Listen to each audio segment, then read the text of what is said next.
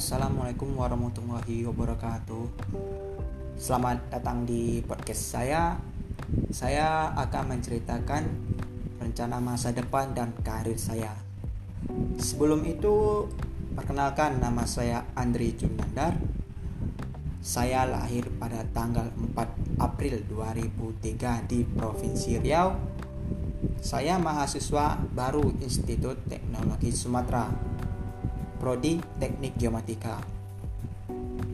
Sebelum itu saya akan menceritakan awal mula saya mengenal teknik geomatika.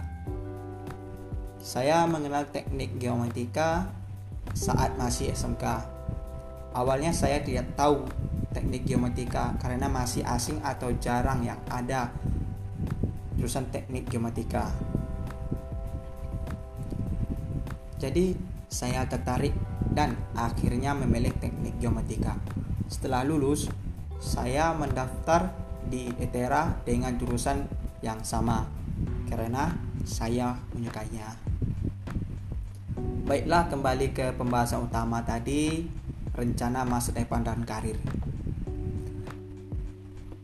Rencana masa depan saya yaitu mendapatkan nilai IPK tinggi, wisuda tepat waktu, bekerja di perusahaan besar, mendapatkan karir yang bagus agar membanggakan keluarga, terutama orang tua, menaikkan orang tua haji, menghasilkan pendapatan tinggi, membeli kendaraan mobil atau motor impian, mempunyai rumah sendiri, mencari pasangan hidup, naik haji untuk diri kita sendiri, membeli aset buat masa depan jangka panjang seperti investasi atau membuka usaha sendiri.